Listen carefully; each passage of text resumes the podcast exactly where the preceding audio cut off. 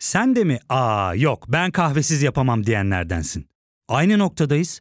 İlk ve tek kahve üyelik uygulaması Frink'le tanış. Hem bütçeni koru hem de hiç bitmeyen kahvenin tadını çıkar.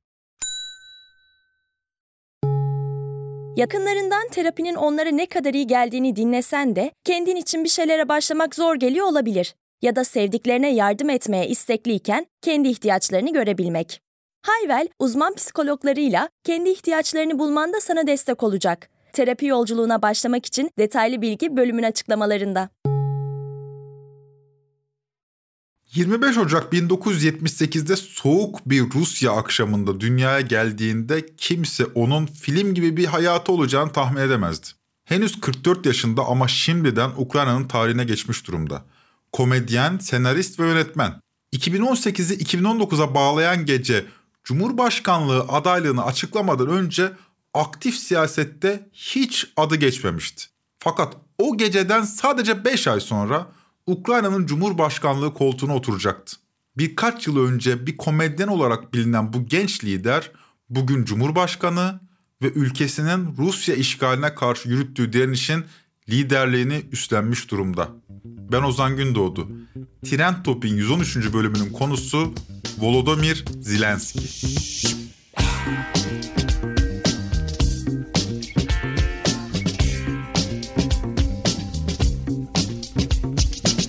Zelenski bugün 44 yaşında. Berlin duvarı yıkıldığında 11 yaşındaydı. Ülkesi Ukrayna Sovyetler Birliği'nden ayrılıp bağımsız devletler topluluğuna katıldığındaysa Zelenski yalnızca 14 yaşına yeni basmıştı. Bu kadar karmaşık politik çatışmaların ortasında apolitik bir gençlik yaşasa da ülkesinin içinden geçtiği ağır ekonomik şartlar herkes gibi onu da derinden etkiledi. Hukuk eğitimi aldı ama bu alanda çalışmadı. Bunun yerine 17 yaşında yani 1995'te yerel bir komedi ekibiyle birlikte ülkenin en önemli komedi yarışmasına katıldı. İki yıl sonra yani 1997'de kendi komedi ekibini kurdu ve çeşitli TV ekranlarında boy göstermeye başladı. 2003'te ise Zelenski ve komedi takımı Ukraynalı TV kanalı 1 artı 1 için TV programları üretmeye başlamıştı bile. Yani Zelenski'nin komedi kariyeri son derece genç yaşta ve son derece başarılı biçimde yükseldi. Bu tarihten 16 yıl sonra 2018'i 2019'a bağlayan anlarda tüm ülkenin TV ekranlarına kilitlendiği bir anda Zelenski yine bir artı bire çıktı ve ulusun tarihine geçecek bir konuşmayla Cumhurbaşkanı adayı olduğunu açıkladı. Я обіцяю вам піти в президенти України. І одразу виконую. Zelenski'nin Cumhurbaşkanlığı adaylığı şaşırtıcıydı ancak tümüyle beklenmeyen bir gelişme de değildi. Çünkü Zelenski programları reyting rekorları kıran yüzü halk tarafından en çok bilinen isimlerden biriydi ve sadece bu da değil. Ona asıl şöhretini kazandıran, hayatında bir kırılma noktası olan ve başkanlık koltuğuna taşıyan kilometre taşı 2015 Ukrayna yapımı bir komedi dizisiydi. Evet. Halkın hizmetkarı. Dizinin baş karakteri bir tarih öğretmeni, bir lisede çalışıyor ve bizzat Zelenski tarafından canlandırılıyor. Ukrayna'da bir okulda görev yapan bu öğretmen bir gün okulda tüm Ukrayna halkının bildiği ve deneyimlediği ortak sorunlar üzerine hararetli bir tartışmaya girişiyor. Потому что достали все эти вот здесь, понимаешь? Теперь они заставляют детей будки ваши строить. Знаешь, Yolsuzluk, kötü yönetim, oligark düzeni bunlar üzerine hararetli bir konuşma yapıyor dizide Zelenski. Öğrencilerinden biri bu konuşmayı gizlice videoya alıp internete yükleyince de olanlar oluyor. Video viral olup milyonlar tarafından izleniyor ve bu milyonlar bir öğretmenin ardında bir araya geliyor. Öğretmen kazandığı bu desteği de arkasına alıp siyasete girmeye karar veriyor ve bir sabah Здрасте. Василий Петрович Голобородько? Да. Доброе утро, господин президент. devlet yetkililerinin evine gelmesi ve haber vermesiyle Ukrayna'nın yeni cumhurbaşkanı olduğunu öğreniveriyor. Zelenski'nin oynadığı bu karakterin başkan olduktan sonra da çizdiği portre bahsetmeye değer. Ne yapıyor? Oligarklara savaş açıyor mesela. Ukrayna'nın hayali. Yolsuzluklarla mücadele ediyor. Ve tüm bunları yaparken de ayakkabılarından birinin bağcığı açık, ofisinin anahtarını ise çorabının içinde saklayan biri. Sıradan halktan biri yani. Evinden başkanlık sarayına bisikletle gidip geliyor. Sadece bazı Avrupa Birliği ülkelerinde görebildiğimiz o bisikletli başkan portresini Ukrayna'ya taşıyor. Avrupa'ya da böylelikle ufaktan göz kırpıyor. Yani bu hikaye Zelenski'nin Halkın Hizmetkarı dizisindeki bu hikaye adeta bir peri masalı gibi. Ama işte böyle şeyler hep masallarda olmuyor. Halkın Hizmetkarı dizisinin 3. sezonu seçimin ilk turundan sadece birkaç gün önce yayınlanıyor. Zelenski bu sezonda tam anlamıyla da seçim startını veriyor. Mesela ne yapıyor? Mesela Ukrayna Cumhurbaşkanı'na sataşıyor. Diyor ki nasıl oluyor da Ukrayna en zengin cumhurbaşkanına sahip en fakir ülke? Bu şekilde rakibi ve Ukrayna Cumhurbaşkanı Poroshenko'nun 1,5 milyar dolarlık servetini halkın diline doluyor. Seçim kampanyasında zaten Ukrayna'nın güç ve servet sahiplerine yani Ukrayna oligarklarına karşı bir zemine kuruyor. Ama Zelenski'nin oligarklarla ilişkisi biraz karmaşık. Zelenski hakkındaki en önemli spekülasyon onun Ukraynalı oligark Ihor Kolomoyski ile olan ilişkisi. Spekülasyonun birkaç dayanağı var. Bunlardan en meşhuru Zelenski'yi meşhur eden TV kanalı 1 artı 1'in sahibinin bizzat Kolomoyski olması. Zelenski 2003'teki TV kariyerine bu kanalda başladı. Zelenski'nin Ukrayna'nın ideal cumhurbaşkanı canlandırdığı Halkın Hizmetkar dizisi yine bu kanalda yayınlandı. Ve Zelenski Cumhurbaşkanlığı adaylığını yılbaşına dakikalar kala yine bu kanalda açıkladı. Bu haliyle Kolomoyski'nin medya gücünün Zelenski'nin arkasında durduğunu söylemek yanlış olmaz. Ancak Kolomoyski ve Zelenski arasındaki ilişkinin tek dayanağı 1 artı 1 kanalı değil. Yani Kolomoyski Zelenski'nin yalnızca patronu değil. 20 Mayıs 2019'da başkanlık koltuğuna oturan Zelenski'nin ertesi gün Cumhurbaşkanlığı İdaresi Başkanlığına atadığı isim kim dersiniz? Kolomoyski'nin avukatı olan Andrei Bohdan. Oligarklarla mücadele sözü veren Zelenski'nin Kolomoyski ile kurduğu bu izaha muhtaç ilişkisi hep sorgulandı ve onun halk nezdindeki popülaritesinin zedelenmesine neden oldu. Zelenski Bohdan'ı artan eleştiriler üzerine 2020'de görevinden aldı. Daha sonra 2021'de ortalığa dökülen Pandora Papers ya da Pandora belgeleri Zelenski'nin Kolomoyski ile olan ilişkisini yine gündeme taşıdı. Belgeler Zelenski ve onun TV prodüksiyon ortaklarının 2012'de oluşturulan bir offshore şirketler ağının paydaşı olduğunu gösteriyordu. Bu şirketler ağının bir diğer ortağı da Kolomoyski'ydi. Zelenski iddiaları reddetmekle yetindi ancak Pandora Papers sızıntıları Zelenski'nin popülaritesine gölge düşürdü. Volodymyr Zelenski'nin son zamanlarda en çok sözü edilen özelliği Yahudi olması. Kendisinin dini kimliğine bu kadar vurgu yapılmasının nedeni ise Ukrayna'daki neonazilere ilişkin iddialar. Hiç de hafife alınabilir iddialar değil. O kadar ki Putin'in Ukrayna'ya başlattığı askeri operasyon için öne sürdüğü meşruiyet dayanaklarından biri Ukrayna'daki neonaziler oldu. Бендеровцы и неонацисты выставляют тяжелое вооружение, в том числе системы залпового огня. Putin harekatın nihai hedefini Ukrayna'nın NATO silahlarından ve neonazilerden arındırılması olarak açıklıyor. Neonazi iddialarına karşı Zelenski'nin en önemli argümanı da kendisinin Yahudi olması, hatta ailesinden bazı isimlerin Holocaust döneminde kaybetmiş olması. Holocaust yani Yahudi soykırımı döneminde. Zelenski bu yüzden ben nasıl Nazi olabilirim diyor. Bütün savaş boyunca Sovyet ordusu için savaşan dedeme açıklayın bunu diye ekliyor. Yani aslında argümanları kuvvetsiz değil Zelenski'nin. Gerçekten de Zelenski neonazi falan değil. Bu çok absürt bir iddia olur. Öte yandan Ukrayna'nın aşırı sağ grupları 2019'daki seçimlerde Zelenski'yi de desteklemiyor. Bu grupların Ukraynalılar arasındaki popülaritesi de çok yaygın değil. Ama azımsanmamalı da bu kadar radikal bir grup ülkenin Nazi mirasını sahiplenen en büyük partisi mesela Svoboda 2019 seçimlerinde %2.25 oy alıyor. Fakat 2012'deki oranı %10'a yakındı. Tabi Ukrayna'daki neonazilerin gücü oy oranlarından kaynaklanmıyor. Bu nedenle Zelenski'nin Yahudi olması ya da neonazi partilerinin %5'lik seçim barajını geçebilecek kadar oy alamaması Ukrayna'nın neonazi gerçeğini küçültmüyor. Bu gerçeği doğru yorumlayabilmek için biraz geçmişe bakmakta fayda var. Niye Ukrayna neonazilerle anılıyor? Ya fark ettin mi? Biz en çok kahveye para harcıyoruz. Yok abi, bundan sonra günde bir. Aa, sen Frink kullanmıyor musun? Nasıl yani? Yani kahvenden kısmına gerek yok. Frink'e üye olursan aylık sadece 1200 TL'ye istediğin çeşit kahveyi istediğin kadar içebilirsin. Günlük 40 TL'ye sınırsız kahve mi yani? Çok iyiymiş. Aynen. Hatta şu anda 200 TL'lik bir indirim kodu da var. E hadi hemen indirip üye ol da bu fırsatı kaçırma.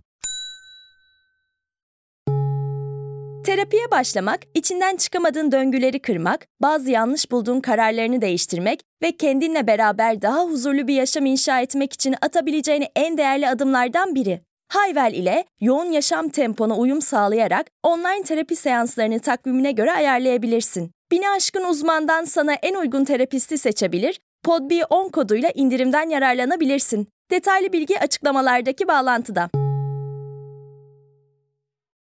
Konu neonazilerse İkinci Dünya Savaşı yıllarına şöyle bir göz atalım. Adolf Hitler 1941'in yazında Sovyetler Birliği'ne dönük Barbarossa harekatına başladığında Hitler'in birliklerinin ilk adım attığı yerlerden biri Ukrayna topraklarıydı. Alman orduları harekatın ardından sadece birkaç hafta sonra Kiev'i işgal etmiş ve yaklaşık 3 yıl boyunca Kiev Naziler tarafından yönetilmişti. Fakat Ukrayna'ya giren Naziler Sovyet direnişiyle karşılaştığı kadar Nazi işbirlikçisi Ukrayna milliyetçilerini de gördü. Nazilerin Sovyetler Birliği ile girdiği savaşı kazanması demek Ukrayna'nın bağımsız olabilmesi anlamına gelebilirdi. İşte tarihin bu kanlı evresi Ukrayna'ya çok tartışmalı bir ismi hediye etti. Kim bu isim? Stepan Bandera. İkinci Dünya Savaşı'nın Ukraynalı Nazi işbirlikçisi. 1944'te Sovyetlerin Nazileri Ukrayna'dan çıkarmasının ardından Bandera da Almanya'ya kaçtı ve oradan Ukraynalı milliyetçileri Sovyetlere karşı direnişe çağırdı. Bu sırada Nazilerden silah ve finansman desteği aldı. 1959'da ise Sovyet istihbaratı KGB tarafından suikast sonucu öldürüldü. Bandera'nın doğum tarihi olan 1 Ocak ülkede sadece yeni yıl heyecanıyla geçmiyor. Neonazi geçmişli Svoboda ve sağ sektör gibi parti ya da örgütler her yıl 1 Ocak'ta Nazi işbirlikçisi Bandera'nın anmalarını da yapıyor. Mesela oy oranı 2012'de %10'a yaklaşan, son seçimde ise %2.25 oy alan Svoboda Partisi Nazilerin 600 Polonyalı'yı katlettiği Yalova Dalina katliamının yıl dönümünde zafer kutlamaları yapıyor. Hatta 2004'teki turuncu devrimden sonra Cumhurbaşkanı olan Yushchenko Bandera'nın anısını yaşatmak için ona Ukrayna'nın kahramanı madalyası bile veriyor. Peki Rusya'nın sürekli sözünü ettiği neonazilerin Ukrayna'daki gücünün boyutu ne? Yani bir savaşa gerekçe olabilecek güçteler mi? Bu sorunun cevabını verebilmek için 2014'te yaşanan Euromaidan gösterilerinin arkasındaki güç bileşimine bakılabilir.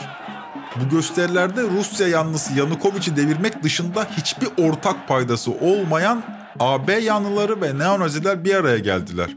Ancak neonazilerin farkı gösterilerin şiddet pratiğini ellerine almalarıydı. Bu nedenle sayıları az da olsa örgütlü yapıları nedeniyle Yanukovic'in devrilmesi ve ülkeyi terk etmesinde son derece etkili oldular. 2014'te göreve gelen Poroshenko hükümeti de neonazileri bu anlamda mükafatlandırdı.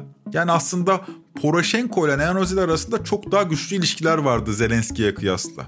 Hükümette neonazi kimlikli Svoboda partisine başbakan yardımcılığı, tarım bakanlığı ve savunma bakanlığı gibi kritik koltuklar verildi. Oy oranları azdı ama hükümette eti güçleri son derece yüksek oldu. Poroshenko'nun İçişleri Bakanı Arsen Avakov göreve geldikten hemen sonra İçişleri Bakanlığı'na öz savunma ve sağ sektör üyelerinin yerleştirileceğini duyurdu. Avakov'un İçişleri Bakanlığı görevine Zelenski döneminde devam ettiğinde kayda geçirelim. Fakat buna karşılık neonazilerin 2019 seçimlerinde Zelenski'yi desteklemediklerini de söyleyelim. Yani Zelenski için neonazi demek mümkün değil ama neonazilerin Ukrayna'daki etki alanını da küçümsememek gerekiyor. Çünkü Ukrayna milliyetçiliği demek Rusya'ya karşı verilen bağımsızlık mücadelesi demek. Rusya'ya karşı verilen bağımsızlık mücadelesi demek Avrupa birlikçi olmak demek. Bu şemsiye altında AB yanlısı liberaller de neonaziler de buluşabiliyor. Tıpkı 2014'te Yanukovic karşısında olduğu gibi. Gördüğünüz gibi Türkiye'den bakarak Ukrayna'yı anlamak oldukça zor. Hele ki savaş hakikati bu kadar eğip bükerken. Ne yapıyorlar? Mesela medya Batı yanlıları ve Rus yanlıları olarak bölünmüş durumda. Bir taraf neonazi gerçeğini örtbas etmeye çalışıyor, görmezden geliyor. Diğer taraf ise bu gerçeği savaşın bahanesi haline getiriyor. Bir taraf NATO'yu bir sivil toplum örgütüymüş gibi toz pembe gösteriyor. Diğer taraf ise Ukrayna'nın bağımsızlığına saygı duymuyor. Ukrayna'nın neonazi gerçeği Rusya'nın işgalinin bir gerekçesi olunca taraflar gerçeği eğip büküyor sürekli. Dolayısıyla hakikat giderek bizden uzaklaşıyor. Bu noktada neonazi milislerinin 2014 ve 2015'te imzalanan Minsk protokollerini sabote ettiğini de vurgulayalım. Bu protokollere göre Ukrayna'nın Luhansk ve Donetsk bölgeleri silahsızlandırılacak ve Avrupa Güvenlik ve İşbirliği Teşkilatı ya da kısa adıyla AGİT. AGİT gözetiminde Rusya ve Ukrayna sınırı gözetim altında tutulacaktı. İki ülke arasındaki yegane diplomatik çözüm de bu protokoller Minsk protokolleriydi. Fakat büyük ölçüde neonazilerin bölgedeki sabotajları ve Kiev yönetiminin irade eksikliği sonucu bu protokoller uygulanmadı. Uygulanmadı ve sonuç itibariyle aslında Putin'in de biraz işine gelmiş gibi duruyor saldırıya bahane yaratma açısından. Zelenski'ye geri dönelim. Savaş istiyor muydu? Savaşçı bir lider miydi? Agresif bir Ukrayna milliyetçisi miydi? Kesinlikle hayır. Bilakis Zelenski savaşı bitirme vaadiyle seçildi. Seçildikten sonraki ilk konuşmasında bu savaşı biz başlatmadık ama bitirmek bizim elimizde diyordu. Rusya ile barış masasına oturmak ve Donbas krizini tatlıya bağlamak Zelenski'nin en büyük arzusuydu. Fakat koltuğa oturmadan önce söylediklerini koltuğa oturduktan sonra hayata geçirmekte zorlandı. Bir kere oligarşik bir düzenin apolitik bir lideri olarak Ukrayna'nın başındaydı. Yani bütün güç Zelenski'nin elinde de değildi. Ayrı bir sistem işliyordu Ukrayna'da. Bu haliyle vaatlerini yerine getiremeyen, popülaritesi 2019'a göre epey azalmış bir cumhurbaşkanından bahsediyorduk. Böyle diyorum çünkü Rusya'nın Ukrayna'ya dönük 3 goldan başlatmış olduğu işgal girişimine kadar kimse Zelenski'den ülkesinin direnişine bu kadar güçlü liderlik yapabileceğini kestirememişti. Yani aslında Zelenski işte böyle komedyen, ciddiye alınmayan bir figür gibi resmediliyordu ama son derece güçlü çıktı. 17 yaşında komedyen olarak başladığı kariyerine 24 yıl devam eden 41 yaşında da cumhurbaşkanı olan bu genç isim bir anda bir savaş kahramanı oluverdi. Ukrayna halkı ile iletişimini büyük ölçüde sosyal medyaya koyduğu videolarla gerçekleştiriyor. Belki görüyorsunuzdur. Kameralarla olan iyi ilişkisini liderliği için kullanıyor. Putin ile Zelenski karakterleri üzerinden süren psikolojik savaşta Putin otokrat ve soğuk bir lider imajı veriyor. Bu haliyle son derece antipatik bir görüntüsü var Putin'in. Buna karşılık Zelenski ise ülkesini işgalci Rusya'ya karşı bir arada tutan ve ordusunu bırakıp kaçmak yerine kalıp savaşmayı yeğleyen bir lider imajı çiziyor. Objektif bir gözle baktığımızda bu psikolojik savaşı halkla güçlü iletişimi sayesinde Zelenski önde götürüyor. Ama tabii Batı medyasının desteğini de atlamamak lazım. Всім добрий вечір. Лідер фракції тут, голова офісу президента тут. Yaptığı konuşmalar ve Kiev sokaklarından paylaştığı görüntülerle işgal altındaki Ukrayna halkının motivasyonu diri tutuyor. Kaçmıyor, 45 milyon Ukraynalıyı vatanları için direnişe çağırıyor. Görünen o ki etkili de oluyor. Zelenski an itibariyle ülkesinde bir kahraman olarak anılıyor. Tarihin ne getireceği belli olmaz ancak henüz 44 yaşında bu genç lider ülkesini bu bataktan kurtarabilirse eğer muhtemelen yıllarca siyaset sahnesinde kalacak ve dünya onun ismini yıllarca belki 10 yıllarca hatırlayacak. Ancak Ukrayna'nın saplandığı bataktan çıkmaması halinde tarih mahkemesi Zelenski'ye acımasız davranabilir. Tren Top'un 112. bölümünde Putin'e odaklanmıştık. Bu bölümde ise konumuz Zelenski oldu. Savaşın konuşulmayan portrelerine ve ele alınmayan konularına odaklanmaya devam edeceğiz. Bir sonraki bölüme kadar barışın kıymetini bildiğimiz günler dilerim. Hoşçakalın.